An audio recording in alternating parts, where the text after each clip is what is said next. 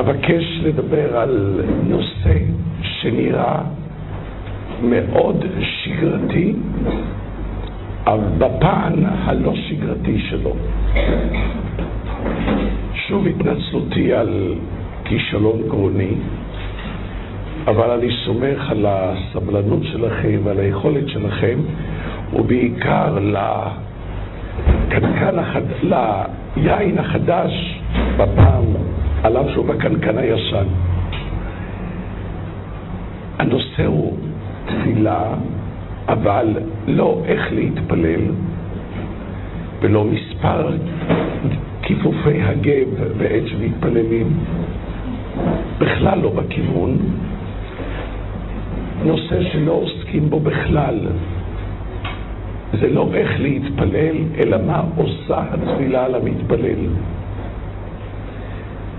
הפעם הראשונה שהבחנתי בהיבט הזה, לצערנו זה היה במלחמת יום כיפור. מלחמת יום כיפור, בה לא זכינו,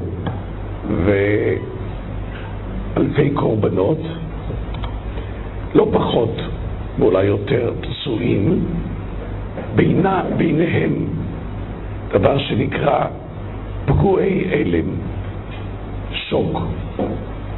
חיילים שלא עלינו, יחידתם הוכחדה, מפקדם נהרג, עברו תחושה של נעזבות, לבד. האדם הוא יצור חברתי, ואחד הדברים הפוגעים בו מאוד זה הלבד. נשים ודאי מרגישות את זה יותר מאשר גברים. הצורך בחברה. צה"ל הקים בנתניה מתקן למוכי הלם. ההשלכות של החולים זה פחדים, כל מטוס היה עובר, כולם היו מרימים את המעיל על הראש. נכנסתי לשיחת תדרוך לפסיכיאטר הראשי. לא באתי בלבוש כפי שאני היום, ללא זקן, עם כיפה, עם מדים, והחל כנראה דו-שיח יותר במבטים מאשר במילים ביני לבין הפסיכיאטר, והבחנתי שהוא מסתכל עליי לא בצורה רגילה. וכשפניי הביעו תמיהה מה המבט הזה, אז הוא אומר לי, פה עוד לא היה אף אדם דתי.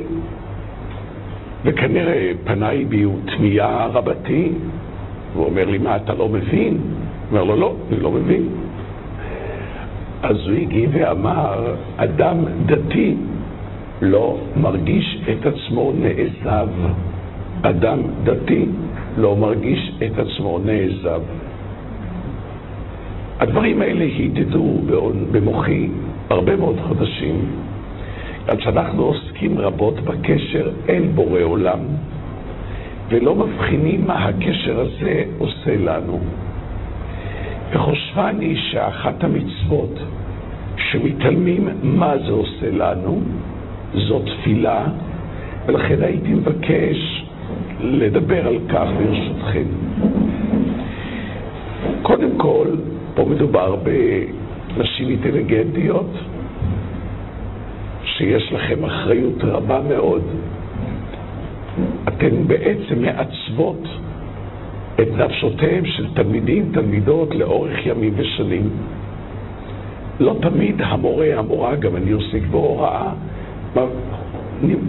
ואנחנו חושבים עד כמה אנחנו משפיעים, אבל ההשפעה שלנו היא רבה מאוד. להתפלל זו מצווה, כפי שהרמב"ם לומד מהפסוק, ולעובדו בכל לבבכם, איזוהי עבודה שבלב. אפשר לעבוד עם היד, עם הרגל, אבל מה זה בלב? זוהי תפילה. רבינו משה בן מימון, מצווה זו תפילה. הרמב"ן, רבינו משה בן נחמן, אומר זו מצווה, אבל מדי רבנן. הוא רואה בזה יותר חסד שבורא עולם עשה איתנו, שבאמצעות התפילה נשיג את צרכינו. כשם שבמכולת רוכשים מוצרים באמצעות מטבעות כסף, מבורא עולם מקבלים מוצרים באמצעות מטבעות לשון. אבל עד כמה התפילה תתקבל, אנחנו מקובלים ששום תפילה לא הולכת לאיבוד. שום תפילה לא הולכת לאיבוד. טוב, אני המתנתי כדי שתזכרי בהרבה מאוד הזדמנויות שהתפללת וזה לא הסתדר. מדוע אתה אומר ששום תפילה לא הולכת לאיבוד? אני חוזר, התפילה לא תלך לאיבוד, אלא מה? אין זה מובטח שהיא תתקבל מיידית. יכול להיות שנקבל את מה שרצינו עקרונית רק בעוד שנה, בעוד שנתיים, אולי עוד עשרים, חמישים שנה, שהשם יאריך ימיכם ושנותיכם. ייתכן שגם לא אנחנו, אלא ילדינו. יכול להיות שזה יהיה אחרי עשרים דורות. השבוע נקרא על כך דבר מדהים. בלק מקים שבעה מזבחות אל בורא עולם, לא שמים לב לזה, כדי לקלל את עם ישראל, והוא לא מצליח, אבל הוא הרוויח. אולי דווקא מזה שלא הצליח. בזכות המזבחות שהוא הקים, רות, אם המלכות, האימא של המשיח, היא יוצאת חלצה, ובזכות המזבחות, הלוואי עלינו. שום תפילה לא הולכת לריק. הדבר גם תלוי עד כמה התפילה היא מהלב. קרוב השם לכל קוראיו, לכל אשר יקראו באמת. תהילה לדוד, מה שאנחנו קוראים אשרי יושב בביתך, כמעט בכל הפסוקים ישבה מחברת. בכל יום אברכך וההללה שמך לעולם ועד. גדול השם ומולל מאוד, ולגדולתו אין חקר. יש שני פסוקים שאין בהם ו' מחברת, והאחד הם, האחד הוא קרוב השם לכל קוראיו, לכל אשר יקראו באמת. לא כתוב, הוא לכל אשר יקראו באמת. מה זה הבאמת? אז זה לא לשקר. אני אגיד ואחרי להדגים במלוא משמעות המילה. מה פירוש? הייתה לי תקופה, כמה שנים, שלמדתי עם קצין בכיר במילואים, התיידדנו, אה, הוא לא היה שומר מצוות, הניח תפילין, שמר שבת, אבל לא מעבר לזה, והתיידדנו. יום אחד אחרי השיעור אני שואל אותו, משה, להיכן אתה הולך? אז הוא אומר לי, אני ניגש לתל השומר, לבקו"ם, לסדר משהו לבני. משה, מהיכן הביטחון שלך שתצליח לסדר? אז הוא ככה, בוא, זה נשאר לו עליו שהוא במילואים. אה, ככה, דרגות. אני מוישה גרוס, מה שנקרא, כן, אני... הפירוש מאיפה. הגעתי ואמרתי לו, ספק רציני, ספק בחיוך, אתה אפיקורס. למה אני אפיקורס? אז אמרתי לו, תראה, אני משער שלפני שיצאת את ביתך, התפללת לבורא עולם, שיעזור לך במה שאתה צריך לעשות היום. זה הרבה יותר קל כשבורא עולם עוזר. אבל באיזשהו מקום, בגלל שאתה היית קצין בכיר, גם רמזת לבורא עולם, תראה, הרבה יותר טוב לי שאתה תסדר לי את זה. אה, אני אבקש תחנונים, אבל אם לא, אני יכול להסתדר. שמעתי שאני מכיר את המפקד, סגנו הוא היה פעם בן דוד שלי, משהו כזה. הסתדר. ואומר דבר מדהים. לעיתים אני אומר לתלמידות בתיכון, שתי בנות מכינות למבחן. שתי בנות עומדות בפני מבחן. האחת הכינה את לימודיה והאחת לא. מי תתפלל יותר חזק? זו שהכינה או זו שלא הכינה? התשובה היא ברורה. זו שלא הכינה מרגישה יותר צורך להתפלל. זו שהכינה לא מרגישה כך, אני הכנתי. אז ברור שהתפילה של זאת שלא הכינה תתקבל יותר. אני ממליץ להכין, שלא תהיה הבנה. אבל הביטוי שיש בתורה, שהקדוש ברוך הוא מקבל תפילה של יתום ואלמנה, על שהם מזוהים כאנשים שאין מי שיעזור להם. אז המשענת היחידה זה בורא עולם. ככה אישה אומרת, בעלי, אחי, בן דוד שלי, אבא שלי, אמא שלי. הווה אומר שכדי שתפילה באמת תתקבל, צריך לעמוד לפני בורא עולם ולחשוב. אפשר גם לומר בפה כשזה לא באמצע התפילה. בורא עולם, אין לי אף אחת. גם מי שיש לי, אני לא סומכת עליו. כולל לא על התפילה שאני מתפללת, נקודה מאוד חשובה.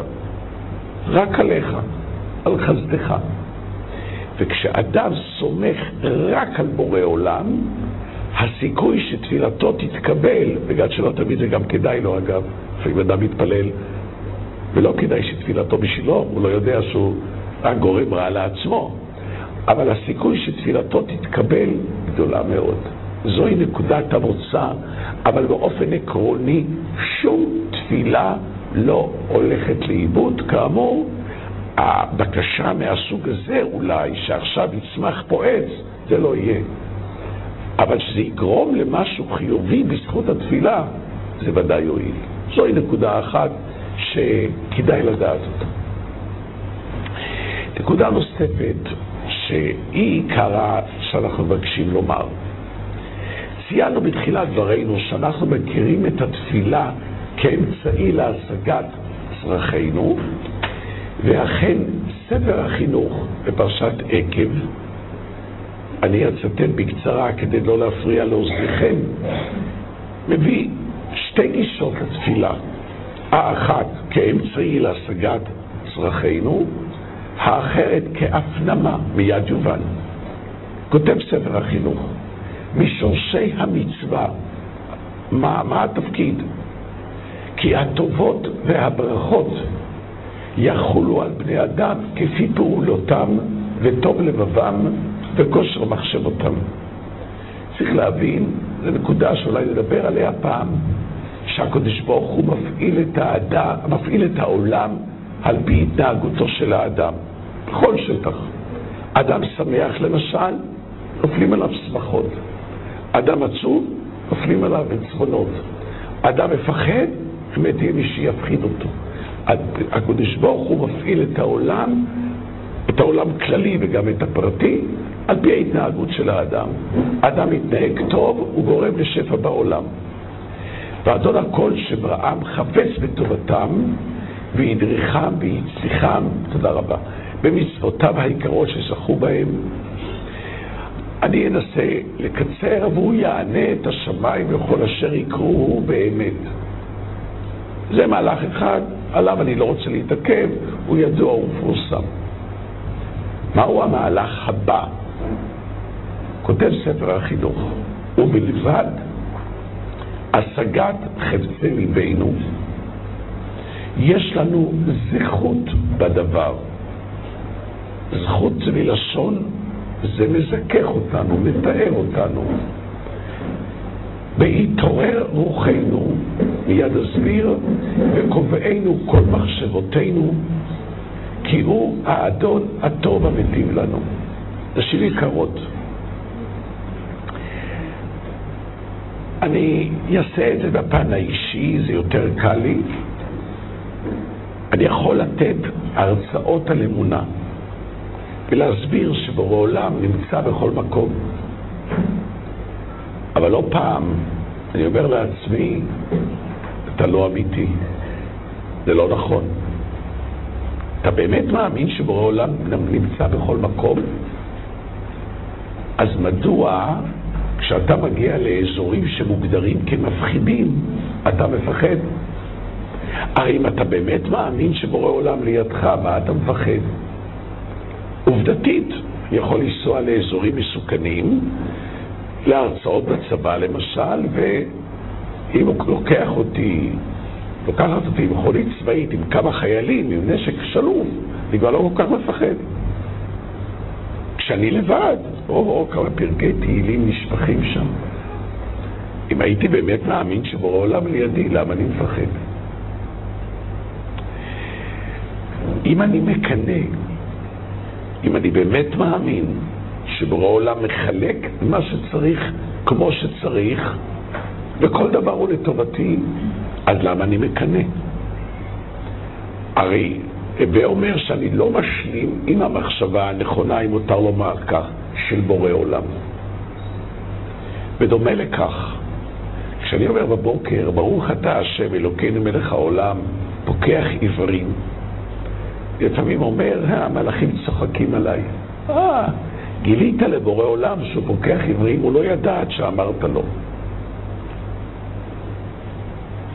הפירוש שלדבר אני יכול, השאלה עד כמה זה מופנם. או למשל, אם הייתי מאמין באמונה שלמה שבורא עולם כל הזמן רואה אותי, חס וחלילה אני מקווה שזה לא, אבל נניח שאני מדבר לשון הרע ועובר לידי רב חשוב, מיד אפסיק. רגע, רגע, עד שהוא יעבור. אם אני מאמין שבורא עולם לידי, לא הייתי מדבר לשון הרע, אז איך אני מדבר לשון הרע? אז אדם יכול לראות את, עצ... את עצמו, גם אדם שמאמין יכול לראות את עצמו, שעל אף השפה החיצונית שהוא מאמין, הוא לא כל כך מאמין. אדם חולה בבית חולים, פתאום הרופא מגיע, כבר נהיה לו טוב. מה נהיה לך טוב? הרי לא הוא המרפא, הוא רק השליח. אתה מסביר לאנשים שהוא רק השליח. הפירוש הוא כזה, בגלל שאדם לא מאמין בעולם הבא, מאיפה אני יודע? נניח, זה משהו מביך קצת, אבל נניח שנפטר למישהו בן אדם, אומר לו, תשמע, ראינו אותו נוחת על הירח. רק אין תקשורת טלפונית איתו, זה הכל. אבל הוא על הירח.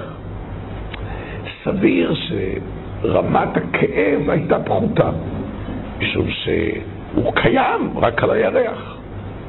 אם היינו באמת מאמינים שיש עולם הבא, למה אנשים בוכים על נפטר? הוא קיים רק בעולם אחר. הווה אומר שהרבה מאוד מושגים שאנחנו מאמינים בהם ומדברים עליהם, הם בעצם מושגים ככה מעורפלים. מה עשתה התורה על פי הרמב"ם, או חכמים על פי הרמב"ן, להפנים את כל הדברים, תקנו, או התורה ציוותה שנתפלל. כאשר אנחנו אומרים ברוך אתה השם אלוקינו מלך העולם פוקח עיוורים, הוא יודע. אנחנו צריכים לדעת, אבל זה לא נכון שברוך אתה זה ילדים, מה אומרים לאמא כשהיא נותנת סוכריה? תודה רבה. עכשיו נגיד תודה רבה לבורא עולם. ברוך אתה. לא נכון. ברוך אתה פירושו, אני מצהירה בכך שאני מכירה שאתה הוא מקור הברכות. ברוך זה לא תודה, פשוט טעות של האנשים. זה קל אולי להסביר לילדים, בסדר, אבל, אבל במקור צריך לדעת, אני מכיר, אני מכירה שאתה פוקח עברים, שאתה יוצר המאורות, תלוי לפי הנושא שאנחנו מדברים אליו. אז אנחנו כבר רואים שיש שני דברים בתפילה. יש דבר אחד, או בברכות, יש דבר אחד, זה ה... דבר אחד זה הבקשה, דבר שני זו ההפנמה. האם יש הבדל אם התפילה זו בקשה או התפילה זו הפנמה? כן. אם הבקשה היא רק, תיקון, אם התפילה היא רק בקשה, אז מי שצריך שיתפלל. מי שלא צריך, בשביל מה שיתפלל. בשביל מה אדם בריא שיתפלל להיות בריא? הוא בריא. בשביל מה אדם שיש לו פרנסה יתפלל על פרנסתו? יש לו. אבל אם התפילה נועדה להפנים אישיותנו, הרי ברור שגם מי שיש לו, ואני הייתי אומר דווקא מי שיש לו, שוכח מי נתן לו, הוא זה שצריך להתפלל יותר מאשר מי שאין לו. בגלל שמי שאין לו על פי רוב פונה. מי שבריא צריך עוד להתפלל יותר על בריאותו מאשר מי שחולה. מי שחולה, אנחנו רואים, תמיד פונה לבורא עולם. זה הבדל עצום. ביטוי מדהים ואולי כואב לדבר, אנחנו רואים אצל רחל ולאה. ועיני לאה רכות. היא בוכה, עיני לאה רכות. אגב, המהר"ל טוען בסוגריים שדווקא בגלל שלאה לא הייתה יפה, היא זכתה להקים את כיכר השבטים. יש גם יתרונות בחסרונות, מאוד מעניין. עליו יש יתרון לכל דבר. לדעת שבכל דבר יש יתרונות. אז למה היא בוכה? אומר רש"י, שהיו עוברי דרכים, אומרים לה, שני בנים ליצחק, עשיו, יעקב, שתי בנות ללבן, לאה ורחל, הגדולה לאה לעשיו והקטנה ליעקב. ואכן, צריך לדעת שעל פי תפיסת היהדות, מי שהייתה צריכה להביא לעולם את כל הגויים, את כל שונאי ישראל, זו הייתה לאה שמבחינת הקבלה הייתה מיועדת לעשיו, מאוד מעניין. ולאה לא משלימה עם הגזירה ומתפללת שישנו את מזלה. המהר"ל, ברוב עוצמתו, מרשה לעצמו לומר, לאה לא ידעה. יכול להבין המרחקים הגיאוגרפיים, מה פתאום שהיא תדע, אני לא יודע אם היא ידעה בכלל שנולד, אם היא בכלל יודעת שהיה יצחק, לא יודע מה היא הייתה יודעת בכלל, אולי אבא שלה סיפר לה. אבל המהר"ל אומר, היא לא ידעה. בלשונו, מזלה אמר לה שיש לה קושי בשידוכה. מזלה של רחל אמר לה, את מסודרת, את מאורגנת. לאה, שחשה שיש לה קושי בשידוך, היא התפללה, לקחה את מי שהייתה, את מי שמיועד לאחותה, לעצמה, ומזלה של רחל שאמר לה, תהיי רגועה, גרם לה להפסיק. להתפלל על מה שיש. עד כדי כך. אבל לא רק זאת. מן הנכון להתפלל לא רק על הדברים הגדולים, אפילו על הדברים הכי פעוטים שיש. רב נוסן, תלמידו של רב נחמן מברסלב, למעשה רוב התורת ברסלב, אולי כל לא עד כדי כך בקיא, אולי מי שבקיא יותר ממני, כתב לא רב נחמן אלא רב נוסן תלמידו. והוא כותב כך, רב נוסן, שמעתי מאחד האנשים שפעם אחת דיבר רבנו ז"ל עמו מעניין בגדים. רב נחמן דיבר עם מישהו על בגדים, ואמר לו שעל כל דבר צריכים להתפלל. היינו, אם בגדו קרוע וצריך לבגד, יתפלל השם יתברך שייתן לו בגד ללבוש. וכן כל כיוצא בזה דבר גדול ודבר קטן, על כל דבר ירגיל את עצמו להתפלל השם יתברך על כל מה שיחסר לו. זאת אומרת, לא רק על כלל ישראל, שזה חשוב, לא רק על העולם, אלא אפילו על בגד לבריאות. ואף על פי שעיקר להתפלל על העיקר, דהיינו על עבודת השם יתברך, לזכות, להתקרב אליו יתברך, אף על פי כן, גם על זה צריכים להתפלל. עד כאן הוא שמע. הוסיף רב נוסן, וכן שמעתי אנוכי מפיו הקדוש, על דבר קטן ופחות מאוד, שקצת מוכרח לי. ואמר על זה, אה, ואמר, התפלל על זה לשם יתברך. הסיפור הוא שבגדו של רב נוסון נקרא, הוא ראה אותו עצוב. מה אתה עצוב? הוא אומר לי, אומר לו, נקרא לי הבגד, אין לי אחר. אמר לו רב נחמן, תתפלל על זה, שיהיה לך. עמדתי משתומם על זה להתפלל. אומר לו רב נחמן, אין זה מכבודך להתפלל על כך? נעצור לרגע. קודם כל רב נחמן מחדש משהו פסיכולוגי. כשאדם לא מבקש על דבר פעוט, זה נובע מתוך גאוותו. מה אני אבקש מבורא עולם? אבל יותר עמוק. דבר מאוד מעניין. אם ניפגש עם נשיא ארצות הברית, אומרים לך, תשמע, מה שאתה רוצה תקבל. מה נבקש ממנו? אולי שיהרוג לי איזה זבוב שנחתי על האצבע והייתי שמעתי שהוא מומחה על זה. מה נבקש ממנו? לא. אנחנו נבקש ממנו שיפסיק להטריד אותנו, שייתן לנו להתנחל. נבקש ממנו. למה הוא רחוק? הוא לא... ממי מבקשים את הבקשות הכי פעוטות שיכול להיות? ממי שהכי קרוב. הווה אומר, זה דבר מדהים, שאם אנחנו לא יכולים לבקש מבורא עולם חוט, מחט, ממחטה, הווה אומר שאנחנו לא מרגישים קרוב אליו. ואחת מעבודות התפילה, שכל משאלה שעולה בדעתנו, לא להשאיר אותה ברמת המשאלה, אלא להעביר אותה אל בורא עולם, כדי להפנים לאישיותנו שהוא עושה הכל. כשתלמיד שואל אותי בישיבתי איך אני ארגיש, שבורא עולם קרוב אליי. תשובתי, אם אתה תרגיל את עצמך, שכל משאלה שעולה בלבך, אתה מפנה אותה אל בורא עולם, אז אכן תרגיש שהוא לידך.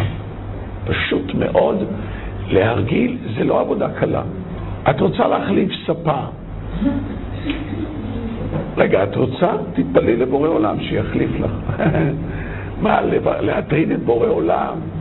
רגע, את רוצה או לא רוצה? שמעתי פעם רעיון נפלא מאדם שהיה נודניק בטבעו. הוא אמר, אתם יודעים למה נברא נודניק? בגלל שבורא עולם מחכה שינדנדו לו. הוא אדם שזכה לבנים חשובים ויקרים מאוד. מחכה שינדנדו לו. לא להרגיש לו בנוח. זו נקודה מאוד מאוד בסיסית שמאוד חשוב לדעת אותה. המהר"ל, אני מבקש להוסיף רעיון נוסף. המהר"ל שואל שאלה מאוד הגיונית. נתיבות עולם, שער העבודה. של המהר"ל, מצווה צריכה להיעשות לשמה, ללא תועלת אישית. של המהר"ל, איך יש מצוות תפילה שכל מטרתה להשיג דברים, הרי זה האנטי נשמע הכי חזק שיכול להיות. כל תפקידה של התפילה, תן לי, תן לי, תן לי, איזה מין מצווה זאת. אומר המהר"ל דבר נפלא. עבד מוגדר בתלמוד, בגמרא, כאדם שאין לו משלו כלום. יש לו הכל, אבל לא משלו. האדון שלו חייב לדאוג לו, אבל אין לו אפילו מציאה שהוא רוצה שייכת לאדון שלו. אומר המהר"ל, ברגע שאת מבקשת על בגד, מה את אומרת לבורא עולם? בורא עולם, אני שבחה שלך בבגד שאני קונה. סליחה על הדוגמה. נניח, אני לא הייתי שם אף פעם ולא יודע מה זה, ולא יודע אפילו איפה זה, רק אמרו לי שיש את זה בבני ברק. נניח, אישה רוצה לקנות, עכשיו קיץ, סנדלים אופנתיים. אני מתאר לעצמי שכשהאישה הזאת, אישה, בחורה, ניגשת לחנות, כנראה זו חנות מיוחדת לנשים או מה, אז בטח חושבת בליבה, בורא עולם, סליחה שאני נפרדת ממך פה, זה חנות של נשים, אני אצא עוד מעט, ניפגש בחזרה. ואני שואל, רגע, אז מה את חושבת שאת תבחרי בלי בורא עולם? זה לא יכול להיות. או למשל, כבר דיברנו על אופנה, אז אני אספר לכם משהו שקרה בביתי. הייתה תקופה בבני ברק שנפתחו קונדיטוריות, חנויות בגדים, כל יום קונדיטוריה אחרת. טוב, אז אה, אני חושב שזה מוגזם, שזה גשמיות. מה אני אגיד לכם, הצרה פתאום התגלתה לי בבית. יום אחד, היה ערב אחד, סליחה, לפני חגים, אני שומע את הבנות שלי משוחחות ביניהן, על מה? איזה עוגה לחג. אחת אומרת עוגת פרידלנדר, אחת אומרת עוגת אמסלם, אחת אומרת עוגת גולדברג. אני קורא להם מחדרים, מה זה, אתן לא חושבות שזה הגזמה קצת, כל כך הרבה קונדיטוריות. אני שומע שהן פרוצות בצחוק. ואני נבוך, מה יש פה לצחוק? אז אחת הבנות מתגייסת להוציא אותי ממבוכתי, אומרת, אבא, אתה לא שומע פה צליל של שכנות? מה? גם השכנות פתחו קונדטוריות כבר, מה יהיה? והן שוב רוצות בצחוק. ושוב צריך להציל אותי מהמבוכה, אז לא, אבא, תבין, זה לא... אז הם הסבירו לי ככה. כשהשכנה מהקומה העליונה יורדת ופוגשת אותי בחדר מדרגות ואומרת, תשמעי, יש לי מתכון נפלא. לא צריכות לרוץ הביתה, אבא חינך אותנו. להביא עט נייר ולרשום. חצי כוס קמח, שלוש כפיות סוכר, חצי כפית מלח, ציפורן, אני לא יודע אם קלקלתי את העוגה או לא, אבל אה, טוב. עכשיו אנחנו יודעות, תשאלנו איך זה היה, אז אין ברירה, צריך לנסות. ואם הניסיון עולה יפה והעוגה מוצלחת, הם הראו לי, אני לא יודע אם גם יש לכם, היום בטח יש את זה במחשבים כבר, אבל הראו לי שיש להם קופסת קרטון קשיחה כזאת שיש לה כזה פתח מלמעלה, עם כרטיסיות. פרידלנדר, אמסלם, גולדברג. זאת אומרת, לכל שכנה שנתנה מתכון יש כרטיסייה. עכשיו, אני אבוא לגברת גולדברג ואשאל אותה, תגידי, כשאת הופעה עוגה, את מתפללת שזה יצליח? כנראה היא תאמר לי כך. אם מדובר בעוגה שהבת שלך המציאה והחומרים יקרים, או, ודאי שאני אתפלל, חבל על הכסף. אבל אם מדובר בעוגה שאני המצאתי, שכל השכונה קוראה אותה על שמי, בשביל מה להתפלל? ואני כנראה אגיב ואומר, תראי גברת גולדברג, גם אם לא תתפללי, העוגה שלך יכול להיות שתצליח. וילדייך לקקו את אצבעותיהן, אבל הם ילקקו עוגה שנאפתה בלי סייעתא דשמיא, עוגה מלאת אפיקורסות, נשים יקרות, כן, גם על עוגה, גם על סלט, גם, סליחה, על מריטת תוצאות מהעוף, על כל דבר צריך להתפלל. כדאי לך. אה, תפילה חייבים רק פעם ביום על פי העם, אבל ככל שאת תרגילי את עצמך יותר, זה לא צריך פתאום לקחת סידור, רגע, אי רצון, בקריאת בריתת הנוצות, זה לא צריך להיות כך, כן? אבל לחשוב, בורא עולם, תעזור לי בזה, תעזור לי בזה, תעזור לי בזה. כל היום שלך הוא כולו בקשר לבורא עולם, וזה דבר שהוא חשוב מאוד. אז למדנו עד עכשיו ששום תפילה לא הולכת לריק, למדנו שתפילה נועדה להשגת צרכינו, למדנו שתפילה נועדה להפנמה על אישיותנו את מה שאנחנו אומרים, ואם תחפשו, יש מקורות שטוענים שזה עיקר התפילה, ספר בית אלוקים למביט. הזכרנו דעה שנייה בספר החינוך. ולמדנו שזה מחבר אותנו אל בורא עולם, לבקש גם על מה, שיה, גם על מה שאין, זה תמיד מתפללים, גם על מה שיש, וזה לא משנה, אדם בריא או לא בריא, זה לא משנה בכלל. כאן אני מבקש לשתף אתכם בדבר שהעסיק אותי שנים, שנים רבות. והקדוש ברוך הוא עזר לי ומצאתי פתרון.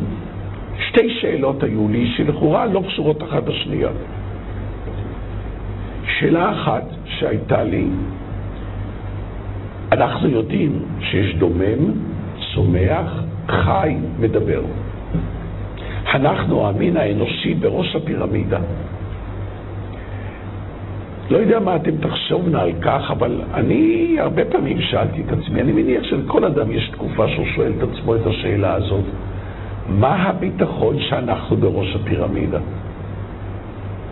נדמה לי שדוד המלך אומר, ויתנני ציפור. לפעמים באמת, הרבה פעמים בשידוכים, אז שואל בת, תגידי לי, היא אומרת ככה, תראי, הבחור הזה מצוין, מצוין, מצוין, אבל, אבל, אבל, אבל, מה אבל? אני כבר מבין, אבל זה כנראה הוא לא גבר מספיק, מה הבעיה? ואני רואה שהיא גבר, אז מה הבעיה? אז היא תהיה. לא, אני רוצה מישהי, מישהו שיחליט בשבילי, שיגיד לי מה לעשות. נמאס לי להחליט לבד, על פי רוב גם אמא שלה כזאת, אז היא לא רוצה להיות כזאת. זה דבר בפני עצמו מאוד מעניין. אז היא רוצה מישהו להישען עליו, זה מצוין. אז נשאלת השאלה, מה הביטחון שבאמת האדם בראש הפירמידה? הוא הכי סובל, הכי לא טוב לו, וכיוון שאני גם מדמיין לפעמים, זה יכול להיות היה אמיתי, אני לא יודע עד היום זה היה דמיון. יום אחד אני יורד מביתי לחצר הבית, וחתול החצר, בנותיי אומרות שקוראים לזה גברת כץ, עוצרת אותי לשיחה. יכול להיות שזה היה קשור ליפתח השבט פי אתון, אז זה דמיון, החליטה לדבר איתי. שני אנשים זכו בעולם, בלעם ואני. טוב, כן. נו, בתחילה נרתעתי, חתול מדברת אליי, אבל זו הזדמנות. אומרת, אדון כהן, אני מבקשת לומר לך שאתה בעל גאווה. חשבתי, היא צודקת, אבל מאיפה היא יודעת? נימוקים בבקשה. היא אומרת, תראה, אתה מלמד שאדם נמצא בראש הפירמידה, אני חושבת שאני בראש הפירמידה. אבל נימוקים. היא אומרת, תראה, אני מריחה שאתם מבשלים בערך שעה וחצי ביממה. מסכנים. אתה רואה את הפחים הירוקים, סטרילי בשקיות ניילון, אני יכולה לבחור לעצמי כמה גירודים, איזה אוכל של איזה עדה שאני רוצה. בלי צורך להדיח כלים אחרי זה ולהניח צלחת עם סכין, עם מזלג, עם הפיד, אין בעיה. אני רואה את הילדים הולכים עם תיקים, עמוסי ספרים, מסכנים. בכלל, אתה הולך עם בגדים, חם היום. אתה מקנא, אני לא מקנא. באמת שנים הטרידה, הטרידה לבריאות, הטרידה אותי המחשבה. טוב. לאחר מכן הטריד אותי עוד מדרש חז"ל, ומתברר שזה לא רק אותי הטריד. למה ניתקרו האימהות שלא נדע, שרה, רבקה, רחל, היו עקרות? והמדרש עצמו עונה שהקדוש ברוך הוא מתאבד את תפילתן. אמר הקדוש ברוך הוא, עשירות הן, נאות הן, אם אני נותן להם בנים, אינם מתפללות לפניי. אין לנו הרי מושג להבין מה היו דורות שלפנינו. אין לנו מושג. אין לנו מושג להבין מה היה לפני דורות. את שרה להבין. איך חז"ל יכולים לומר שהאימות הקדושות, אם היה להם הכל, הם לא היו מתפללות. אבל זו עובדה. חז"ל אומרים. לא הייתי מציג את זה כך, מפני שבאמת המאירי, אחד הראשונים, לא מקבל את המדרש כמות שהוא. הוא אומר, וכבר אמרו חז"ל, דרך אלה צי, אלה צי. טוב, אבל הבנתי. הבנתי, ובעזרת השם גם פיתחתי בזה מחשבה חשובה מאוד על נישואין. שאלה, מה מחבר אותנו לבורא עולם, או לבן הזוג, או לכל דבר החוצה? האם מה שיש לנו, או מה שאין לנו? התשובה היא מה שאין. אם בורא עולם היה נותן לכל אחד מאיתנו את כל מה שהוא צריך, לא היינו מחוברים, חס וחלילה, לא אליו ולא זה לזה. כלומר, סליחה, לא היש מחבר, אלא האין מחבר. חסר זה לא חיסרון. עייפות זה חיסרון? סוס אין לו תכונת עייפות, אם אתה מריץ אותו ללא הפוגה, הוא צונח ומת. כאב שלא תדענה, אבל אדם שצריך לחוש כאב ולא חש את הכאב, בסוף לא יהיה מי שיחוש את הכאב. רעב זה יתרון, צמא זה יתרון. צורך זה לא חיסרון, אלא עוגן התחברות. בהקשר לנישואין, צריך להבין שהבעיה היא שהצרכים המקשרים של גבר ואישה שונים לחלוטין, סותרים לחלוטין, ולכן, וחבל שאנשים לא יודעים מכך, למשל, הדבר הבולט ביותר זה הצורך של בעלך שכל הזמן תספרי לו כמה טוב לך, כמה את נהנית, כמה צרת רצון, כמה בלעדיו לא היית חיה. בעוד שהאישה מאוד זקוקה לספר לו כמה קשה לי, כמה אני מסכנה, כמה אני אומללה, כמה חם לי היום, כמה קר לי היום, כמה... סתירה מוחלטת. אבל הצורך הוא המחבר.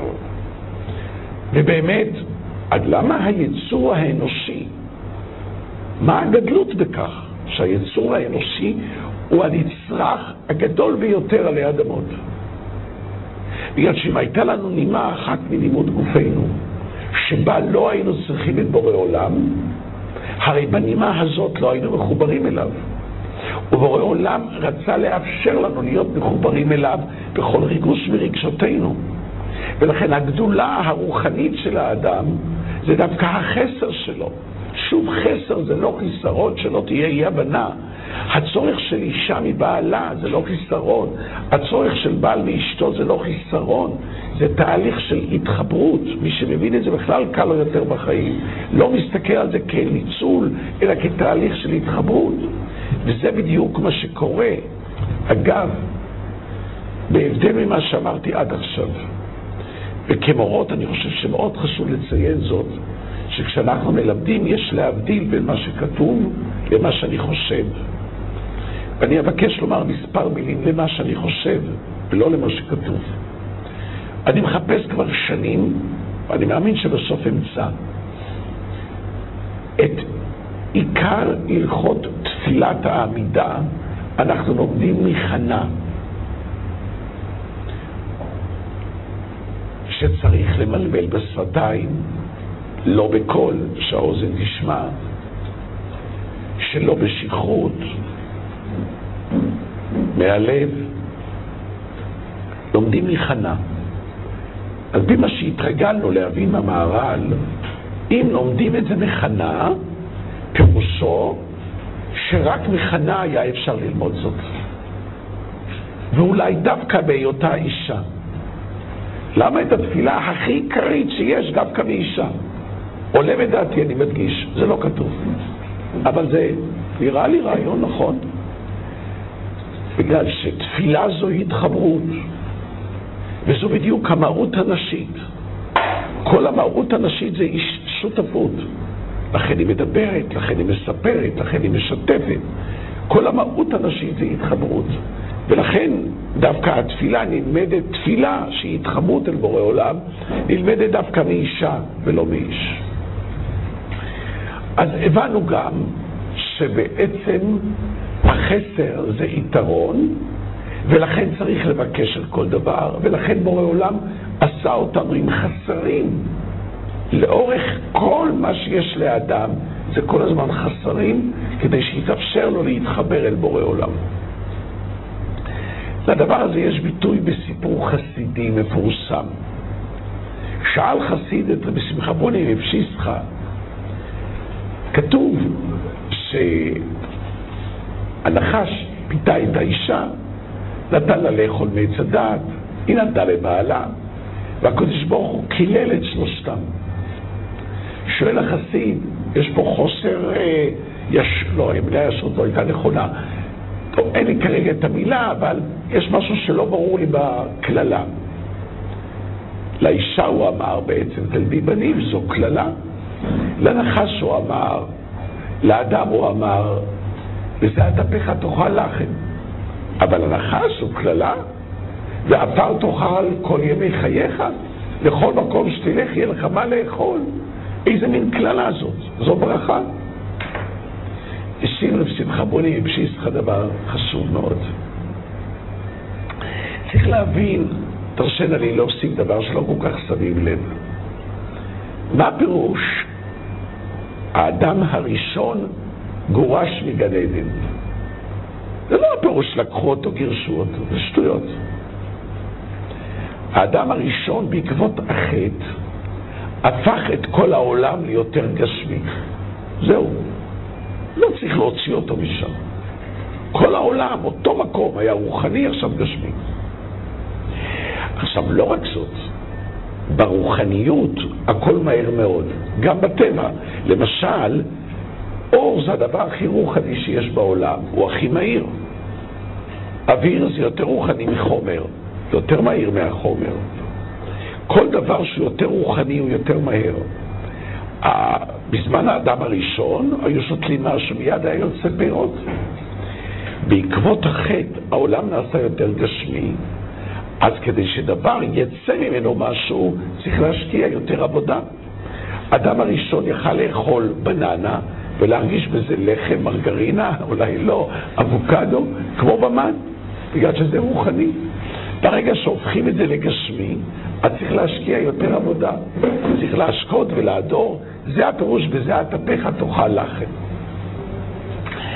אז נחזור למה שקרה לאדם הראשון. אומר רב שמחה בונים כך, האדם הראשון הורחק מאת בורא עולם. אבל בואו נראה מה המרחק. מה קורה כשאדם עובד ואין לו מספיק פרנסה? ריבונו של אילון, תעזור לי. זה אומנם מרחק, אבל עוד עם קשר אל בורא עולם.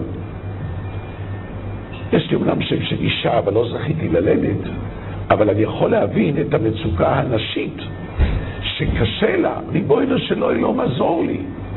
זה מרחק, אבל היא מתקרבה לבורא עולם. אבל הנחש הוא אומר, אתה השטן, אתה המסית, אתה המדיח, קח לך את כל מה שאתה צריך. בגלל שאם יחסר לך פעם משהו, תתקשר אליי, לא רוצה קשר איתך.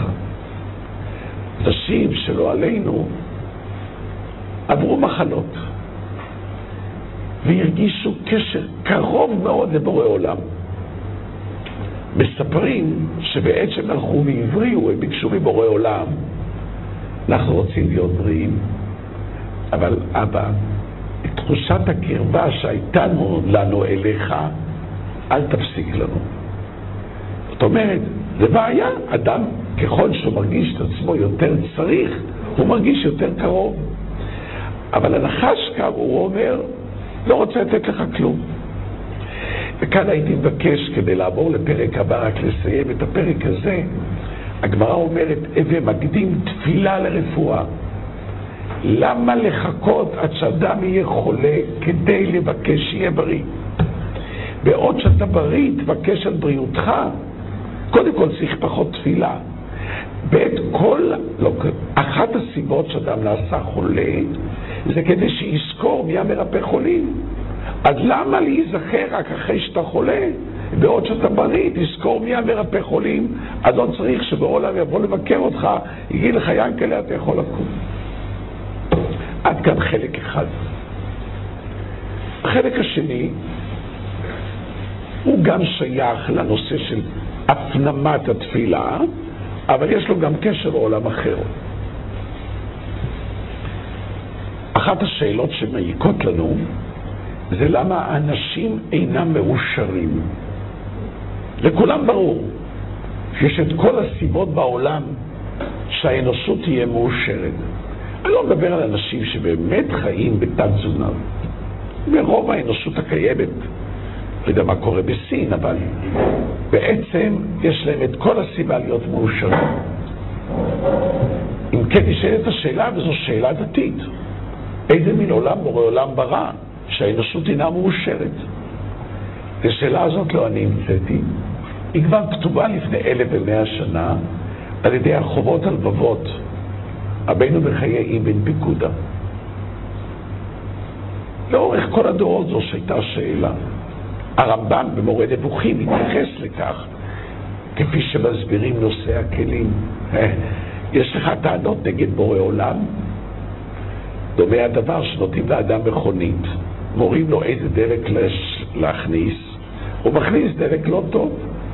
המכונית נוסעת, אבל מתחילה להשתעל ומקרטעת, ואחרי זה יש תלונות. שילמתי כל כך הרבה על המכונית, למה היא לא נוסעת טוב? האם פעלת על פי הוראות הייצור? אומר הרמב"ם, רוצים לאכול יותר ממה שצריך, לשתות יותר ממה שצריך, לעבוד יותר ממה שצריך, ואחרי זה לשאול שאלות, למה זה לא עובד? אבל החובות הלבבות נותן לנו תשובות מעניינות מאוד. תשובה אחת קשורה לתכונה שיש באדם, שבאופן עקרוני כל אימא הייתה רוצה שיהיה לבן שלה. אתגר.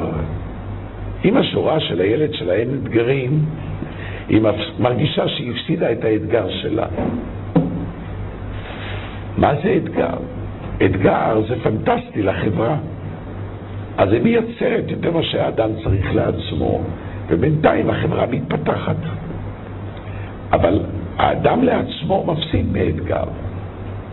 אולי נדבר משהו על שמחה, לא היום, אבל רק אגע בנקודה קטנה. אדם, מתי הוא שמח? כשהוא השיג אתגר שהוא הציג לעצמו. אם כן, מתי הוא עצוב? כשהוא נמצא בתהליך רצון להשגת האתגר. כיוון שאדם כל הזמן מחפש אתגרים, וגם כשיהיה לו אתגר הוא יחפש אתגר חדש, אז הוא תמיד נמצא במצב של חוסר שמחה, בגלל שהוא כל הזמן מרגיש חסר. זה שלב אחד. שלב שני, מה קורה? נניח שזוג מטייל ברחובה של עיר, והבעל פתאום מרגיש שהוא לבד. רגע, איפה אשתי? היא קיבלה אה, אתגר מול חנות של לבוש כנראה. הוא חוזר בחזרה, הוא אומר לה, הוא מפחד שזה יעלה לו הרבה כסף, אז הוא אומר, אה, את שכחת שמאוחר. הוא אומר, נקווה שהיא לא הספיקה לצלם את מה שהיא ראתה. באמת עובר יום-יומיים, שום ציוץ, והנה מקבלת אה, הזמנה לאירוע יוקרתי, היא פותחת את ארון הבגדים, זה לא קשה, זה מתפרץ, זה לא מתאים, זה לא בעונה, זה כמו לחברה, זה נמאס לי, זה. הבגד ההוא. מה קורה לבן אדם? זה בכל שטח. ברגע שאדם מציב לעצמו אתגר, מתחולל בקרבו, יש לך, אבל אני רוצה, אבל יש לך, אבל אני רוצה. השלב הבא, ניסיון לשכנוע עצמי שמה שיש לי לא מספיק טוב. אחרת אין הצדקה לרצון למה שאין לי. מה התוצאה? מה שבחנות אין לי. מה שיש לי לא מספיק טוב. מי אמר לי? אני עצמי אמרתי. זו אחת הסיבות שהחובות הלוות כותב, מדוע אדם אינו מאושר. כלומר, המוסר השכל עבורנו זה לא הנושא, שכל פעם שאנחנו עצובים על משהו, בכלל זה היה כדאי, נשב עם עצמנו ונשאל, תגידי, למה אתה עצוב? אה, בגלל שאתה רוצה משהו. תתחיל לספור מה שיש לך.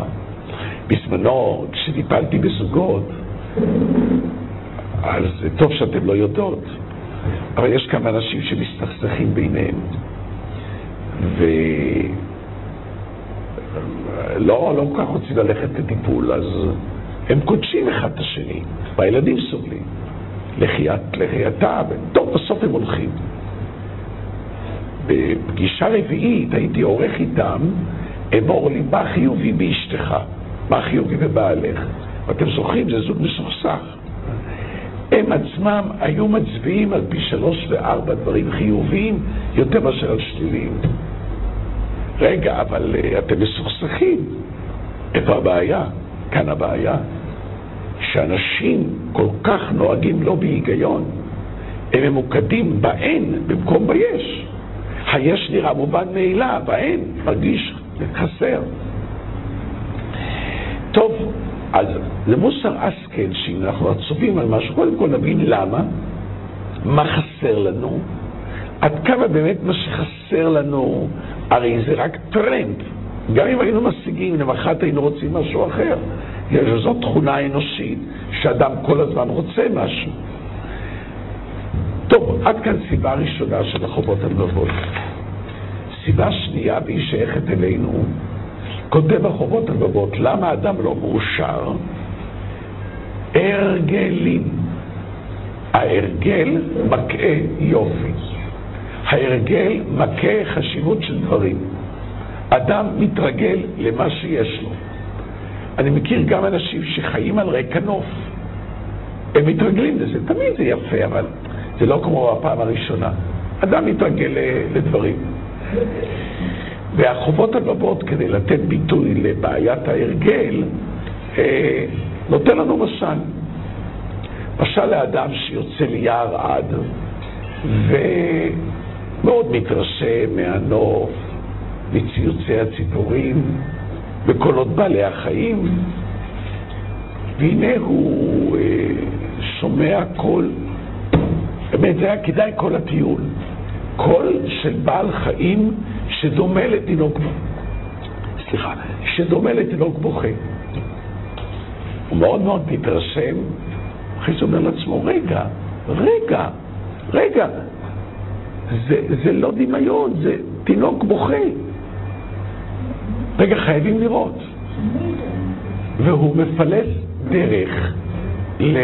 הוא מפלס דרך לעבר הקול הבוכה, ומגיע לקרחת יער, ורואה תינוק שרוע, נוטה למות, רעב, צמא. הוא קורא לחלל היער, יש כאן מישהו, השאירו פה תינוק. זה נראה ילד מוזנח. אין ברירה, הוא מזלף לו טיפות מים, לוקח אותו לביתו, קם אליו בלילות, אין לה את ההורמונים האלה לילדים זרים, והחובות הלבבות אומר, הוא מגדל אותו עשרים שנה, מלמד אותו מקצוע, משיא לו אישה, בונה לו בית. להשלמת המשל, אומר החובות הלבבות, אותו אדם שמע על מישהו שעומד לעלות על עמוד התלייה. הוא מיד נוסע לאזור, ובשניות האחרונות הוא מצליח לשחד את התליין שישחרר את עניבת החנק. ואז חובות הלבבות שואל אותנו שאלה רטורית, מי יודע יותר? הילד שבינתיים גדל ופרח וקיבל והצילו אותו ממוות, או האדם המבוגר שרק הצילו אותו ממוות. אתם כנשים חכמות יודעות מיד את התשובה, האדם הזה שהצילו אותו ממוות. ולמה? בגלל שהאדם שהתבגר, שהיה פעם ילד, התרגל לקבל. לעומת המבוגר שידע להבחין במה שיכל לקרוא לו למה שהצילו אותו. הרגל. אני זכורני ש... לפני הרבה מאוד שנים נסעתי לצרפת לאיזושהי שליחות, ומי שהיה אמור להמתין לי בשדה התעופה לא המתין. סופת שלגים, אתה מגיע לצרפת בלי לדעת השפה, גם שפת הידיים לא מועילה, זה לא צרפתית. שמיים נשלח שם איזה רב שעבר, אין מקרה בעולם, ואימץ אותי לשלושה ימים, ממש. נפרדנו, שנים. אחרי שנים אני פוגש אותו פה ברחוב חזון איש. לא יפה להתחבק, להתנשק. יד, מסכן, בטח השגתי לו את היד. הוא אומר לי, כן, אני כבר נמצא פה שלושה חודשים, איפה לומדות הבנות שלך? בבית ספר בזיכרון מאיר. אני רץ הביתה, אשתי, תשמעי, יש בנות של משפחת זו וזו, תחפשי אותם, תעשי להם פרוטקציה, תאמצי אותם, תתני להם. ואז אני שואל את עצמי, רגע, הוא אימץ אותי לשלושה ימים, הוריי אימצו אותי לעשרים וכמה שנים, ואני לא מרגיש את אותה הכרת תודה כפי שאני מרגיש אליו. אגב, אני לפעמים חושב שזה נס, בגלל שאחד מדרכי ההשתחררות של בן מאב, למשל, הורים אף פעם לא משתחררים מהבנים. הבנים משתחררים מההורים. לאדם הראשון לא היו הורים, לאדם אין קשר להוריו, יש לו קשר לילדיו, אבל זה או שוב נושא בפני עצמו שהוא מרתק. אבל הרגל, אתה מתרגל לקבל, הכל נראה לך נורמלי ורגיל. אם כן השאלה, למה אדם לא מאושר? יש לו את כל הסיבות שיהיה מאושר. הוא פשוט התרגל למה שיש לו. נו, אז מה? אומר הסבא מסלובודקה כך, זה עוד דבר בפני עצמו. יש, כתוב בתלמוד הירושלמי, שעתיד אדם ליתן דין וחשבון על כל הנאה שהגיעה לידו ולא נהנה ממנה. למה?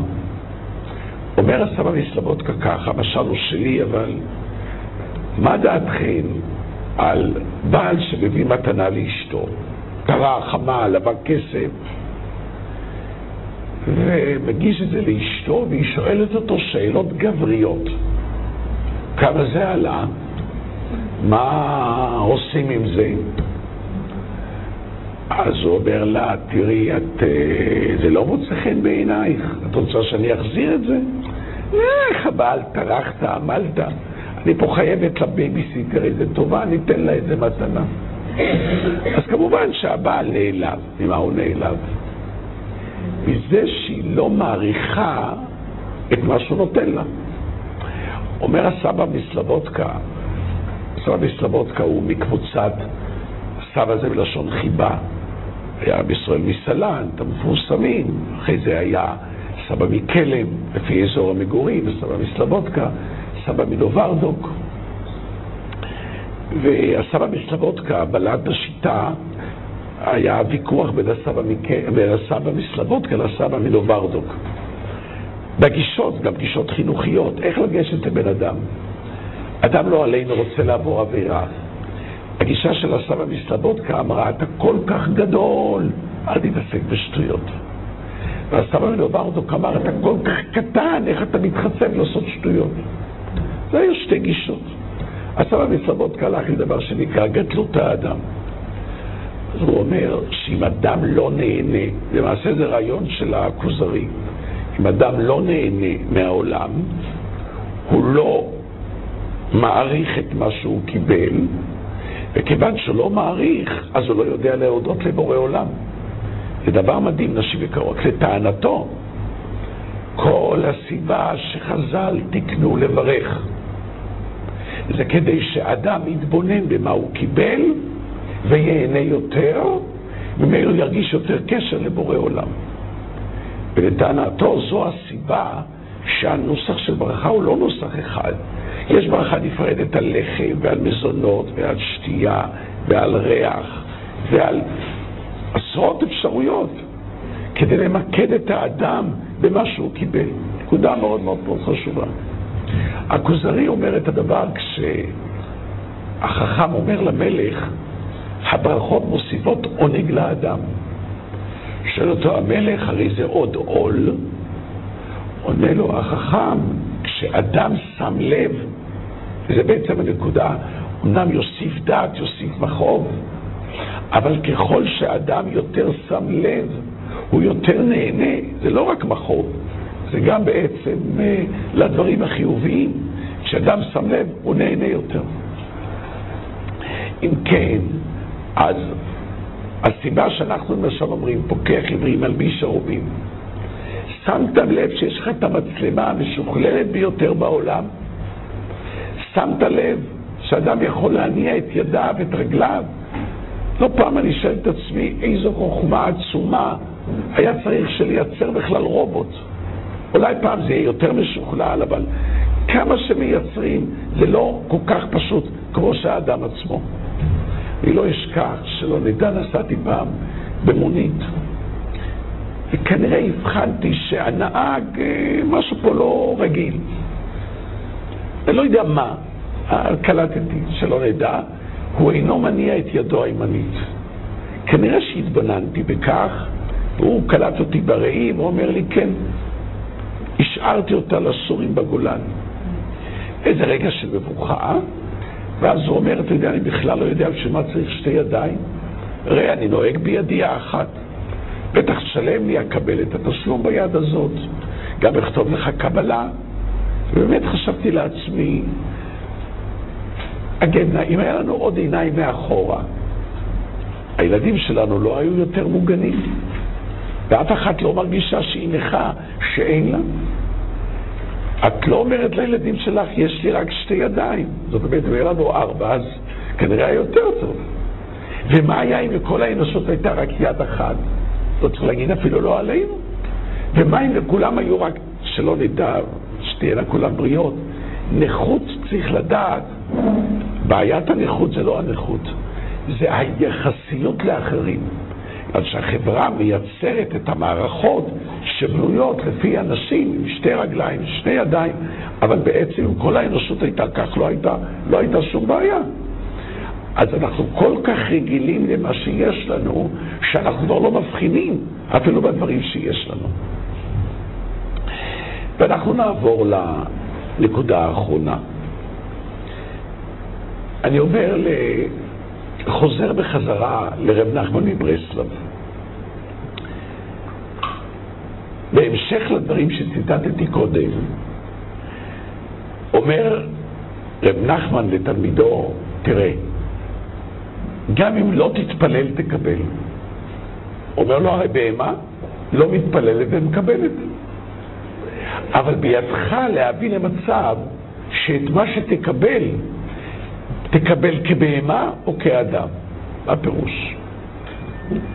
תאר לעצמכם שאת נכנסת לביקור לגדול הדור. הוא מאוד מאוד מתרשם ממך, מתפעל ממך, ומוציא את עטו ונותן לך. חבל שלא הבאתי איתי עט, מוציא את עטו ונותן לך. לא נעים לך לקחת עץ של גדול הדור?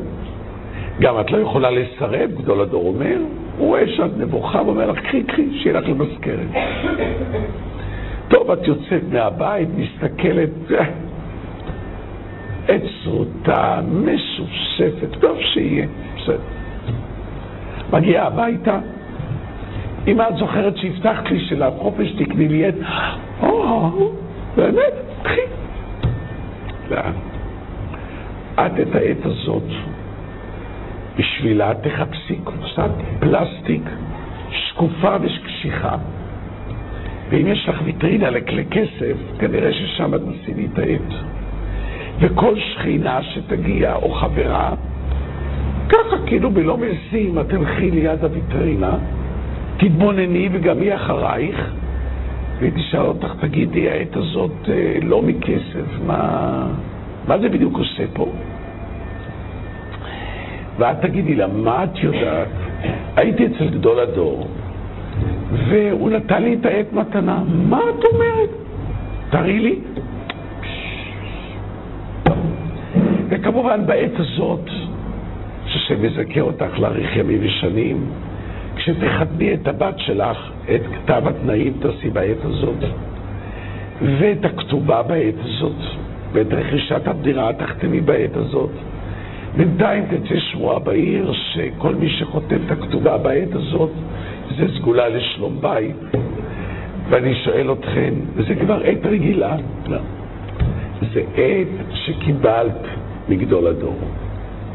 כשאדם לוקח כוס מים ומברך, מברך, מה הוא אומר? השמיים שמיים להשם. בורא עולם, אני מצהירה שאתה הוא זה שיצרת את המים. אם נאזין טוב, נוכל לשמוע קולות עונים, והארץ נטע לבני אדם. ביתי, קחי את המים האלה מתנה ממני. זה כבר לא מים רגילים. כשאת מתפללת שהעוגה תצליח, תצליח, זה לא קמח, זה לא מים, זו עוגה שיש בה סייעתא דשמיא. כשאת רוכשת בגד, כל פעולה שאת עושה, את הולכת עם בגד שהתפללת עליו. זה כבר לא בגד רגיל, זה בגד מיוחד. שהשם יתברך ייתן, וכל התפילות שלנו תתקבלנה לטוב, וזה צריך להדגיש, בגלל שהבעיה בתפילה, שבורא עולם עשה מהלך שהתפילה מועילה. והבעיה היא שאם כן, גם אם אדם מתפלל על דברים שלא טובים בשבילו, הוא צריך לבקש. ובאמת במפרשים יש התלבטות. מצד אחד, כדאי לאדם להתפלל על משהו ממוקד, אני רוצה את זה. מצד שני, אולי זה לא טוב לו. והם לא מגיעים למסקנה, כל אחד עושה איך שהיא רוצה. אז מצד אחד, צריך, בעצם צריך גם להתפלל תמיד. שמע קולנו לדבר שבאמת טוב לי. ואם זה לא טוב לי, אני מתפללת שאל תקבל את תפילתי. שהשם יתברך ייתן בכל הבקשות שלנו לטוב, תתקבלנה.